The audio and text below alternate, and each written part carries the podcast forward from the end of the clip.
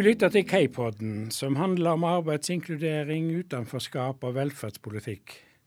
Bakgrunnen er at knapt 20% av de under 67 år er uten arbeid. Det politiske målet er å få flere av disse som er utenfor, i arbeid, men òg å hindre at de som er innenfor skal ramle ut. I K-podden drøfter vi disse politiske målene. Men vi snakker òg om hva som er tjenlige tiltak, og om utfordringer og dilemma som aktiveringspolitikken reiser.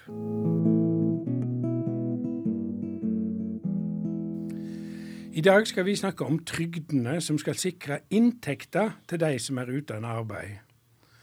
Årlig blir det utbetalt mer enn 200 milliarder kroner til slike trygder. Og vi spør er det en sammenheng mellom nivået på stønadene og forbruket? Og vil det å gjøre stønadene mer sjenerøse føre til at færre vil forsørge seg gjennom arbeid? En av de som i mange år har studert pensjons- og trygdeordninger i den norske velferdsstaten, er Aksel West Petersen. Statsviter og professor i sosialpolitikk ved Oslo OsloMet. Velkommen. Tusen takk. Aller først, handler stønadsnivået bare om hvor raus en velferdsstat bør være? Eller handler det òg om ulike forestillinger om å styre atferden til folk? Ja, det korte svaret er jo ja. Sjenerøsiteten, uh, eller nivået på stønaden, er viktig uh, med henblikk på å ivareta de formålene som trygdene skal ivareta. Og, gi folk trygghet for insekten hvis uh, uhellet er ute, hvis du blir arbeidsledig, hvis du blir ufør og syk osv. Men samtidig så må vi jo erkjenne at også nivået på trygdene og tilgjengeligheten av trygdene har en viss innvirkning på øh, folks atferd. Eh, hvilken, hvilke trygder de søker seg imot eh, hvis første uttaler er ute, kan, kan ha, vel, da, da, kan det ha veldig stor betydning eh, hvilke trygder som er de mest fordelaktige å motta. Men det kan også hende i noen tilfeller at, eh, at, eh, at, folk eventuelt velger å ta ut trygd hvor de eventuelt kunne ha eh, blitt værende igjen i arbeidsmarkedet. Det kan vi ikke utelukke.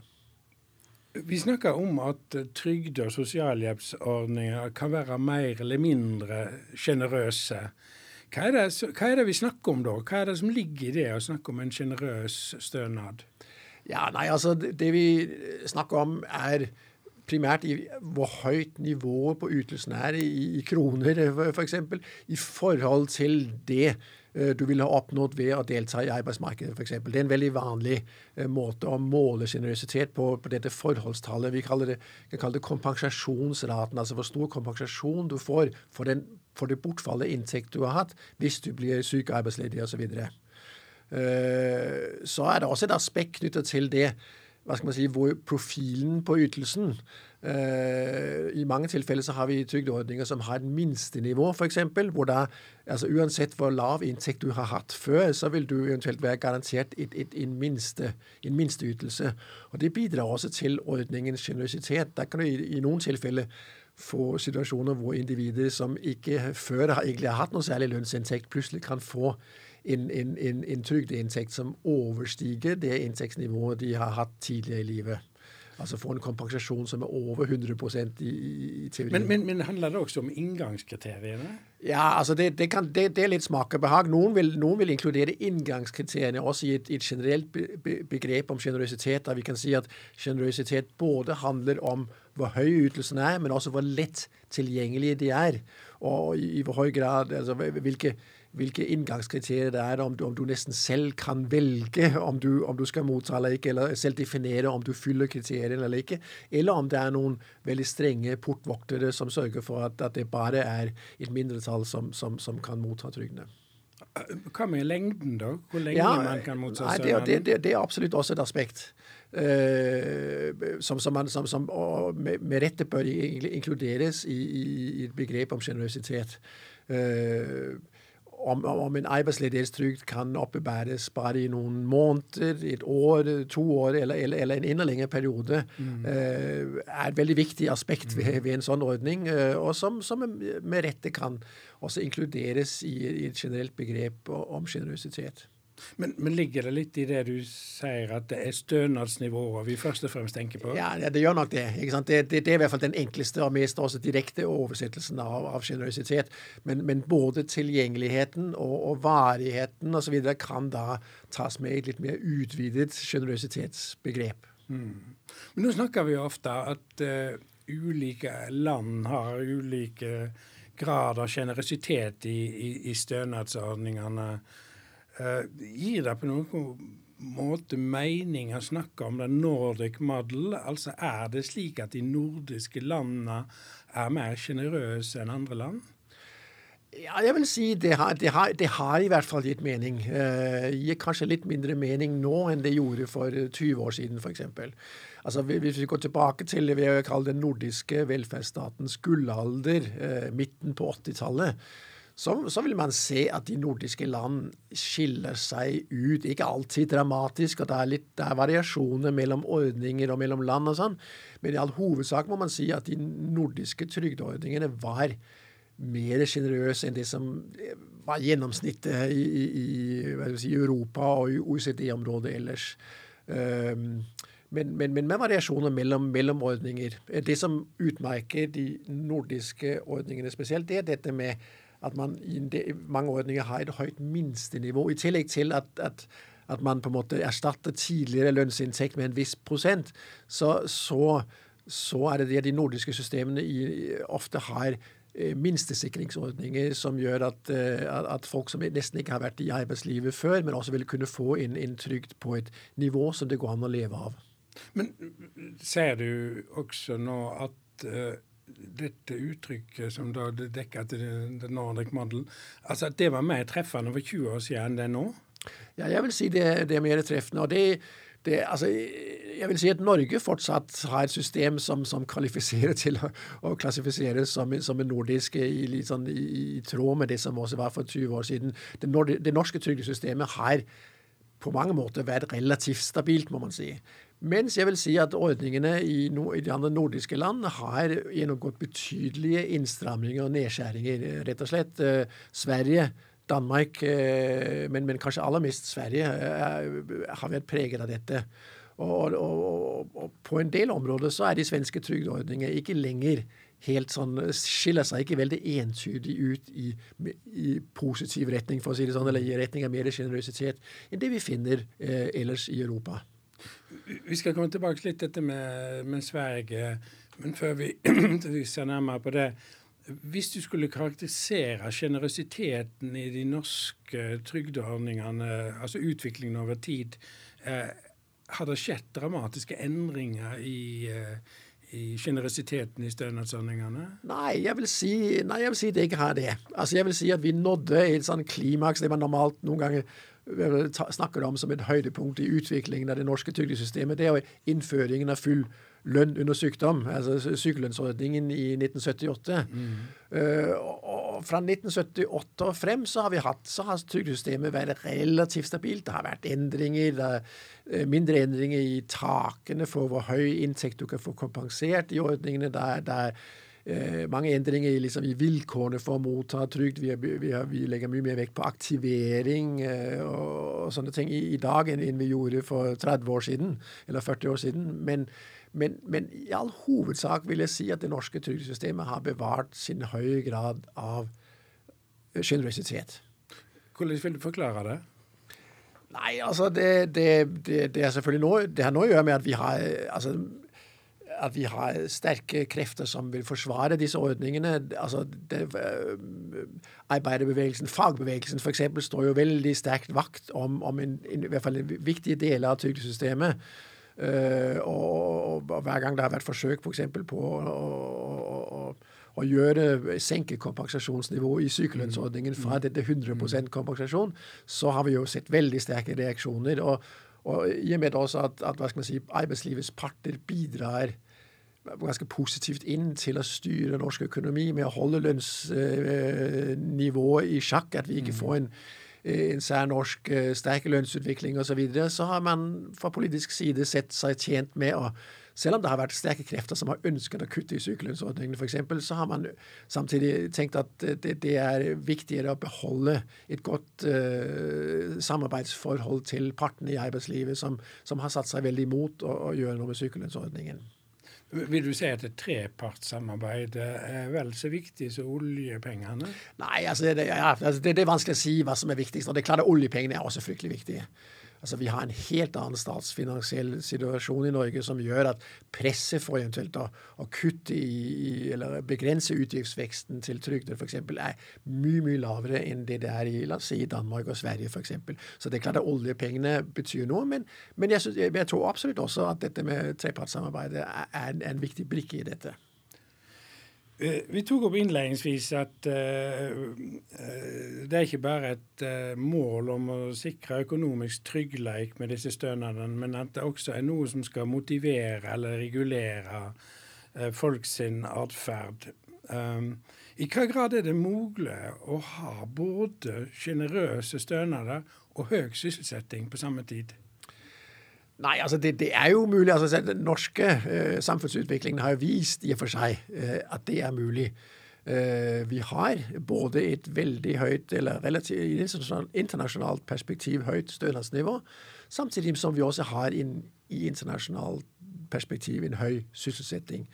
Nå er Den høye norske sysselsettingen er jo bl.a. drevet av at vi har høy, veldig høy sysselsetting blant kvinner. og Det bidrar til at vi skiller oss positivt fra en del land i, i midt i, i Sentral- og Sør-Europa. Eh, men, men, det er klart at, men, men, norske samfunnsutvikling har vist at det er mulig. Men, det er ikke, men, samtidig viser også at det ikke er helt uproblematisk eh, at stønadsnivået kanskje kan bli for sjenerøst i forhold til å opprettholde en, en, høy sysselsetting i alle sektorer. At Da kan det være et, et, et dilemma der. Det, det, det, det, mener jeg absolutt at, at, man må være åpen for. Men, men at det er mulig uh, med, samtidig hvis man har god etterspørsel i økonomien, ikke sant? altså har en god makroøkonomisk styring, det er fryktelig viktig. Og at det vi i Norge har unngått, unngått veldig store, dype resesjoner over de siste 30-40 årene. Vi hadde en nedgangslavkonjunktur på, tidlig på 90-tallet osv. Men den var jo aldri så dyp som det vi har sett i noen av landene rundt oss, eh, f.eks. På, den, på den tiden der på 90-tallet. Hva rolle spiller normene, altså arbeidsetikken? Er det, er det, står den spesielt sterkt i Norge? Altså dette ja. med at man skal prøve så godt en kan, hvis en kan, forsørge seg selv gjennom eget arbeid? Ja, ja det, det, det, tror jeg, det, tror jeg, spiller en rolle. Og det tror jeg de fleste uh, betraktere også er enige om at det, at spiller en rolle. Altså vi, I sånne surveyundersøkelser så, så viser det seg at nordmenn er veldig opptatt av uh, si, arbeidslinja, eller slutter veldig opp om arbeidslinja og, og, og, sånn. og den den debatten vi har også om hva skal man si, om, om, om, hvor viktig det er å opprettholde høy sysselsetting, tror jeg også kan, kan i og for seg tenkes å bidra også litt til å skape et, et, et klima for at, at, at, folk tenker seg litt om, eller, eller er litt øh, hva skal man si, Også føler muligens no, i noen tilfeller et, et stigma faktisk ved det å, å, å, å være på trygd. Og Det er jo så den negative siden ved å ha det der litt normative presset for å være i arbeidsmarkedet. De som da ikke kan klare det, mm. de opplever, opplever et, til tider kanskje litt uh, uønsket og uheldig og urimelig uh, negativt uh, press på seg. Det gjelder kanskje særlig de som eventuelt er uføre med diagnoser som ikke direkte synes utenpå, uh, med, med, og, og, som, som, som, kan føle at de, de, er utsatt for en litt sånn uh, uheldig mistenkeliggjøring ja. i, i, det offentlige ordskiftet. Ja. Vi skal komme litt tilbake til den gruppa der litt senere i, i samtalen. med uh, du nevnte Sverige i stad. og så vidt jeg har skjønt, så har Sverige prøvd å stramme inn på en del stønader. Um, betyr det at det da også blir færre på trygd? Altså, det gjør nok litt det. Altså, Den svenske utviklingen altså Det man ofte ser, det er når man strammer inn på én trygd, f.eks så har det ofte en ganske stor virkning på tilgangen til den trygden. Men så ofte så viser det seg man må se litt nærmere etter, at det har bare skjedd en forskyvning. At folk dukker opp på andre stønadsordninger uh, istedenfor. Og at det ikke er så fryktelig mange flere som kommer i jobb, selv om man eventuelt lykkes med å redusere forbruket av la oss si, uh, uføretrygd f.eks., eller, eller, eller, andre ting. Uh, men i Sverige har de, har de nok skåret litt mer ned overalt. Eh, og da, da, har, vi, da har, vi, sett en, en, ganske betydelig total reduksjon i andelen av befolkningen som i yrkesaktiv alder som mottar uh, trygdeytelser. Det som kanskje ikke er fullt så imponerende i Sverige, det er den tilsvarende veksten i sysselsettingen. Men, men, men antagelig har det vært også, må man likevel si, tror jeg, at, at, at, at det har vært en viss overgang også i Sverige fra mottakertrygd til sysselsetting også. Selv om også en stor del av de som tidligere gikk på trygd i Sverige, har forsvunnet andre steder hen. Kanskje så, flere, så det, betyr ja. bare at uh, du sier at uh, når man strammer inn, og når man strammer inn over hele linja, så øker sysselsettingen litt, er det det du sier? Ja, jeg, jeg syns det er tegn som viser det. Tyskland er også litt et eksempel på det, på et land som har hatt en veldig, ganske tøff uh, trygdepolitikk over mange år, uh, tilbake helt fra, fra, fra begynnelsen av 90-tallet. Uh, og hvor man har sett en ganske relativt si, gunstig utvikling i sysselsettingen. både Sverige og Tyskland er eksempler på det. Men det er samtidig land som i den perioden har opplevd en ganske kraftig vekst i fattigdomsratene blant den yrkesaktive befolkningen. Og det er, det er et tegn på at selv om det kanskje skjer en viss vekst i sysselsettingen, så er det ikke alle de som man får, får vekk fra trygdebudsjettene, øh, som klarer å komme seg i arbeid. Og mange av de som er på trygd, må klare seg for mindre midler. Og, øh, og, så der er kan det både være mer skjult fattigdom i familien, det kan mer, bli mer fattigdom også blant de som mottar trygd, fordi simpelthen trygdeytelsene blant de som ikke klarer å komme seg i jobb, blir lavere. Men da snakker vi kanskje om to ting. Det ene det er at når nivået på stønaden går ned, så for de som lever på trygd, det vanskeligere. Altså de får det er økonomisk vanskeligere. Riktig, riktig. Men så er det også noen som ramler ut av stønadssystemet også, stemmer ikke det? Helt riktig. Jo, helt riktig. Altså, og Vi ser det faktisk også i Sverige, at, at, at, man kan se det på statistikken at andelen av den voksne befolkningen som verken er i jobb eller på trygd, har økt uh, over de siste uh, 20 årene. Så det er familieforsørgingen som øker, da? Da er det familie, antakelig familieforsørgingen som øker, ja. ja. I den norske velferdsstaten så finnes det jo en mengde ulike typer stønadsordninger. og På stammespråket så skiller vi ofte mellom arbeidsrelaterte og helserelaterte stønader. Det første er dagpenger, et eksempel på. Det andre er arbeidsavklaringspenger og uføretrygd, eksempel på. Og I flere tidligere episoder av K-poden så har vi snakka om at det i Norge først og fremst er mange som mottar helserelaterte ytelser. Er det fordi de helserelaterte ytelsene er mer sjenerøse enn de arbeidsrelaterte? Ja, altså det, det er i hvert fall et, et, et, antagelig et, et, viktig bidrag til det. Jeg tror det er vanskelig å finne noen annen entydig forklaring på at vi har en så sterk ubalanse kan man si, mellom mottaket av helserelaterte ytelser på den ene siden og arbeidsrelaterte ytelser på den andre i Norge. Uh, det, det, og det er ikke tvil om at de helserelaterte ytelser er mer sjenerøse. Og, langs, også langs flere dimensjoner. Der selv, selve stønadsnivåene er jevnt over høyere. ikke sant? Og Da er sykelønnsordningen den mest uh, utpregede ordningen med, med, med 100 kompensasjon. Uh, men også inngangsvilkårene er, er, er, faktisk mildere. Og vi har også i de helserelaterte ytelser gjennomgående altså altså minsteytelser, som gjør det også at personer som selv har hatt, selv om du har hatt veldig, veldig lav inntekt, så vil du allikevel få en trygd på, på, på, et nivå som det går an å klare seg for. Uh, og det har vi ikke tilsvarende i arbeidsledighetstrygden, f.eks. I arbeidsledighetstrygden den er strengt proporsjonal med den inntekten du hadde før. Du må ha hatt en viss inntekt, og du må kvalifisere deg for å komme inn i arbeidsledighetstrygden i, i første omgang. Men, men, gitt at du er kvalifisert, så får du også bare arbeidsledighetstrygd i forhold til den inntekten du hadde før. og Da er kompensasjonsgraden i arbeidsledighetstrygden på 62 er det vel.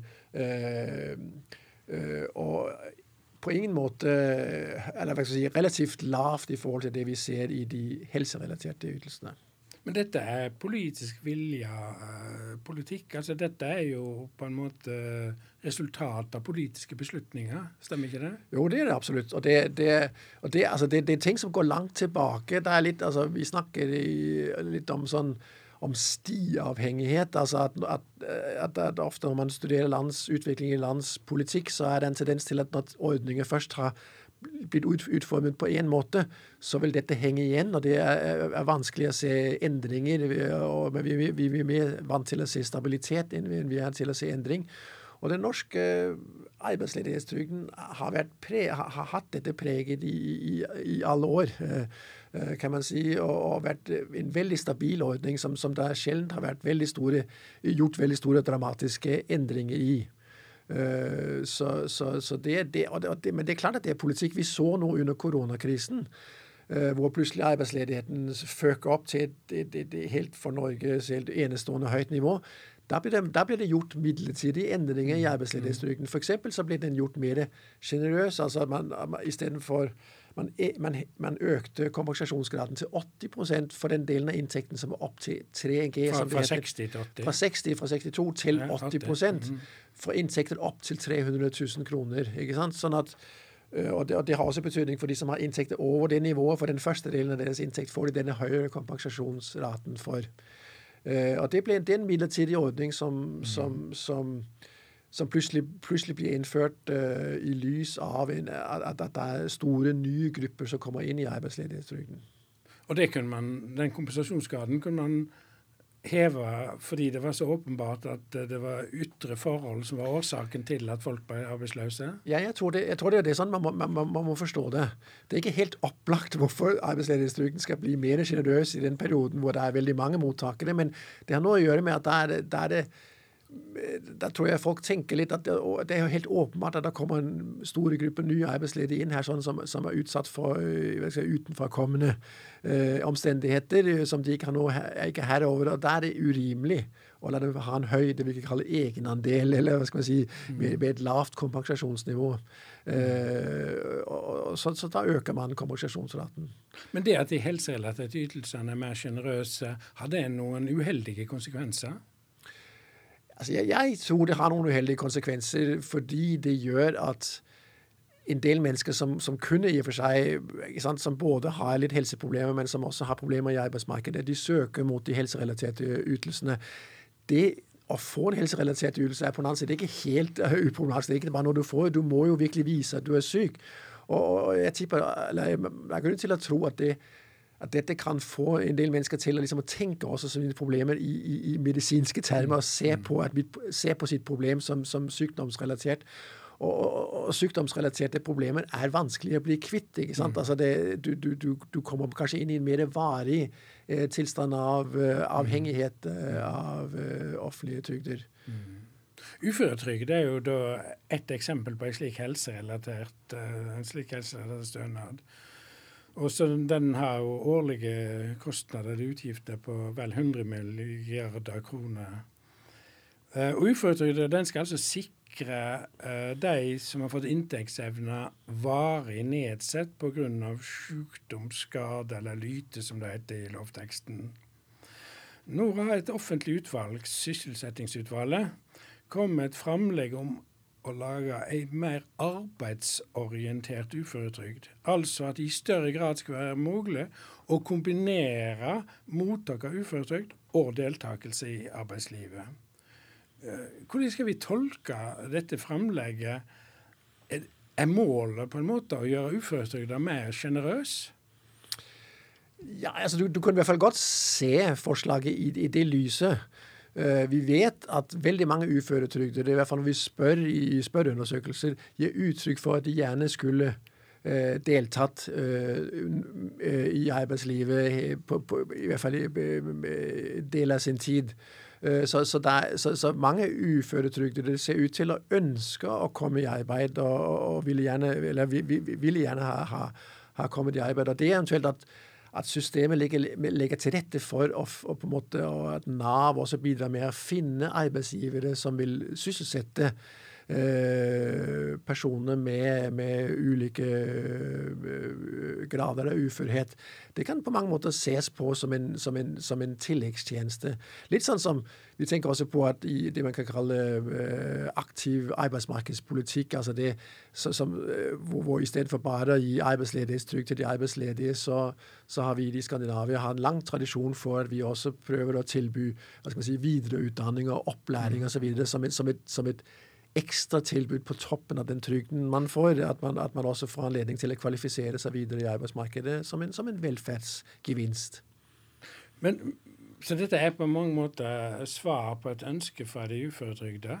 Er det slik å forstå? Ja, altså det, det, det, det, tror jeg ikke er nødvendigvis ensidig der. Det er klart at det er, definitivt også uttrykk for et ønske om å, å spare utgifter og liksom å, å, å, styrke samfunnsøkonomien, øke arbeidstilbudet generelt. Det, det, det, er, antar man har positive effekter for, for, for dynamikken også i, det, i norsk økonomi. Uh, og også spare uh, en statsfinansiell innsparing, at staten kan spare penger hvis man, hvis man kunne sørge for at de uføre, eller folk som i dag er, på 100% uføretrygd, fikk deler av sin uh, forsørgelse gjennom, gjennom arbeid. Så, så, så, denne jakten på restarbeidsevnen, den er også økonomisk begrunnet? Den er ikke bare av omsyn til de uføretrygda? Nei, det, det, det, det, vil jeg, det, vil jeg, si. Men, men, men, men, i offentlige utredninger så understreker man ofte at disse to tingene går, går, hånd i hånd, kan man si. Det er en litt sånn vinn-vinn-situasjon. at det uh, kan være det. Uh, men, i andre tilfeller så, så, så, så, er det ikke helt så fullt så opplagt. Det er ikke opplagt at alle uføre vil ha en velferdsgevinst ved å bli Men, det avhenger litt av under hvilke betingelser de eventuelt uh, kommer ut i jobb, vil jeg si.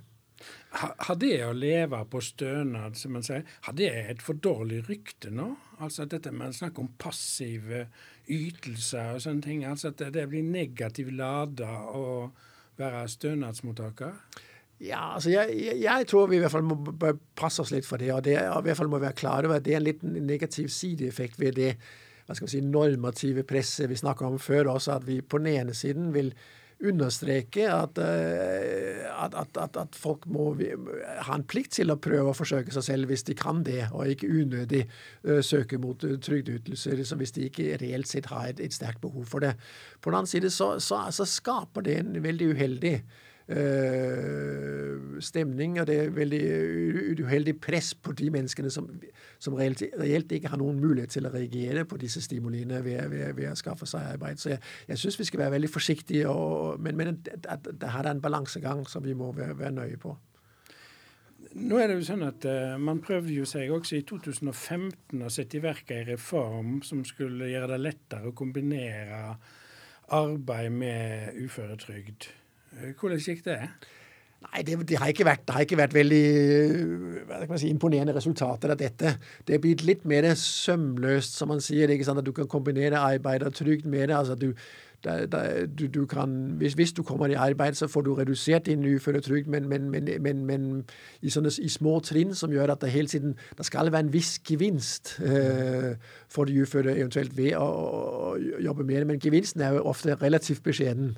Så, så, det, så det, er det ene siden av det. Eh, men den andre siden som nok er viktig, det er også at det er ikke sikkert du finner en arbeidsgiver som vil ansette deg eh, på, på, halvtid eller, eller, på deltid. Eller, altså, fordi ofte vil jo offentlige uføre kanskje ha en, en noe lavere produktivitet pga. Sin, på, på sine helseplager enn en vanlige eh, arbeidstakere.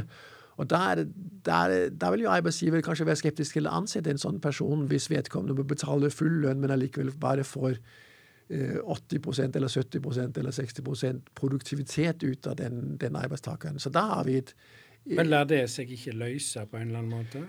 Jo, det, det, kunne la seg løse gjennom lønnstilskudd, f.eks. Uh, uh, ved at, at, staten går inn og, så, og så si, dekker det mellomlegget mellom, mellom den lønnen vedkommende mottar, og den lavere produktivitet vedkommende har. Uh, sysselsettingsutvalget foreslår en løsning litt i den, i den uh, retningen også. Men, men, med den eh, hva skal man si, forbeholdet at da skal da, da skal Nav finne en arbeidsgiver til vedkommende og, og, finne ut hvor mye er produktiviteten nedsatt, og så skal man få trygd som kompenserer opp for, også for den lavere produktivitet. men resultat, resultatet da, den modellen som sysselsettingsutvalget har foreslått, det er at den uføre da i realiteten må jobbe for en timelønn som ligger lavere inn hvis vedkommende har, bedømmes til å ha en lavere produktivitet enn inn det som kreves normalt i jobben. Du har jo snakket mye om produktiviteten til disse, men det er jo også kapasiteten. Altså at ja. Noen kan jo ikke nei, nei. forplikte seg til at de skal jobbe så og så mange dager i veka eller noe sånt, fordi sykdommen deres kan svinge osv. Så sånn. Helt klart. helt klart. Og, altså, ofte vil kapasiteten være nedsatt generelt. altså sånn at Som jeg også sa, disse danske fleksordningene, der jobber folk Typisk er det snakk om veldig små stillingsbrøker, nettopp ut fra en tanke om at deres kapasitet altså De har simpelthen ikke anledning til å jobbe mer enn ti timer i uken. eller noe sånt.